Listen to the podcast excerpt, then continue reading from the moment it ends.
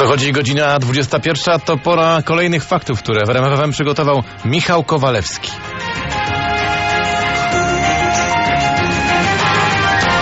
Jonathan G. przyznaje się do zabójstwa. Zatrzymany nastolatek, mieszkaniec Słupska, będzie odpowiadał za zbrodnie tak jak dorosły. Tu w kraju na wybory poczekamy jeszcze ponad dobę. W Stanach Zjednoczonych Polacy będą głosowali już jutro. Anglia, Algieria 0 do 0. Trwa pierwsza połowa meczu w mundialowej grupie C. Został jeszcze kwadrans.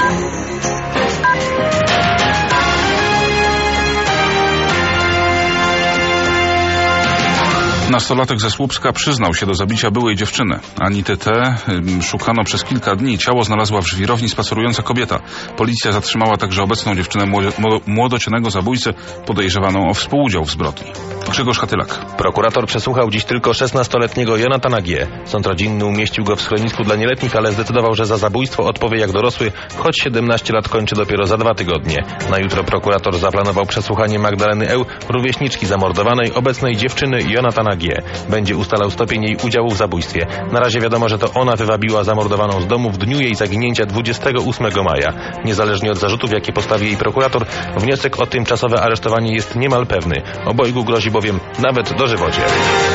Zainteresowanie wyborami za oceanem większe niż się spodziewano. Polacy w ostatnim dniu rejestracji szturmowali konsulaty w USA. Efekt jest taki, że w tym roku uprawnionych do głosowania będzie o kilka tysięcy osób więcej niż było pięć lat temu.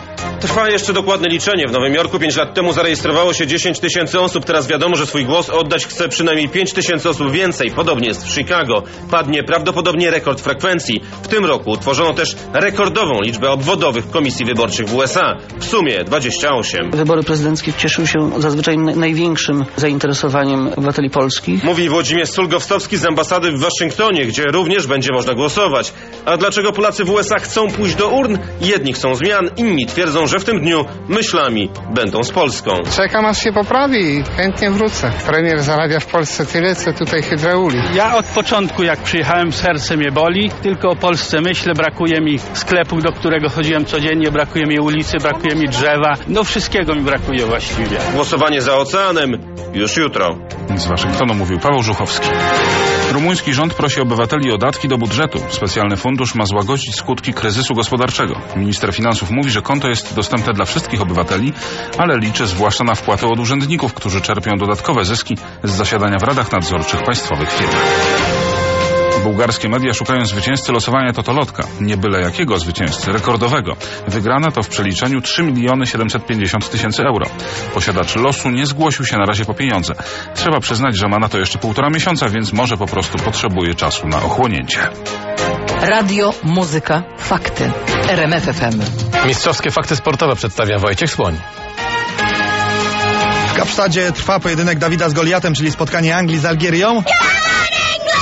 I na razie niespodzianka po 30 minutach gry 0 do 0. Były gole w Johannesburgu, gdzie Słoweńcy podzielili się punktami z Amerykanami. Spotkanie zakończyło się remisem 2-2. Sensacja w Port Elizabeth, gdzie Serbia wygrała z Niemcami 1 do 0 i wróciła do gry o awans do drugiej rundy Mistrzostw Świata. W Niemczech po wygranej z Australią była ogromna euforia, a dzisiaj jest na pewno rozczarowanie, gdy Joachim Lew wspominał wczoraj, że szykuje zmianę w składzie, wskazywano, że nie puści na boisko Mirosława Klozę. Pierwsza jedenastka była jednak taka sama jak przeciwko Australii i doradcy podpowiadali dobrze. Kloze jeszcze w pierwszej połowie dostał dwie żółte kartki i musiał opuścić plac gry. Całe Niemcy zastygły, a po chwili spełniły się obawy. Serbowie zdobyli gola. Pełne niemieckie puby. Kibice, którzy wcześniej zaczęli weekend, pracownicy, którym szefowie pozwolili siąść przed firmowe telewizory, załamani. To nie tak miało być.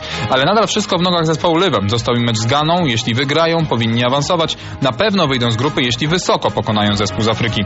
Niemcy są przekonani, że to bardzo prawdopodobne. Z Berlina Adam Górczewski. A Niemcy krytykują niemiłosiernie sędziego spotkania z Serbią Hiszpana Alberto Undiano, który wyrzucił z boiska Mirosława Klozę. Arbiter pokazał w całym meczu 7 żółtych kartek i oczywiście jedną czerwoną. Kibice reprezentacji Holandii uśmiechnięci od ucha do ucha oglądali trening reprezentacji tego kraju, a wszystko za sprawą faktu, iż na pełnych obrotach ćwiczył dzisiaj Arjen Robben. Jeden z najlepszych skrzydłowych świata doznał kontuzji tuż przed mundialem w towarzyskim meczu z Węgrami wygranym 6 do 1. Jutro Holandia zagra z Kamerunem.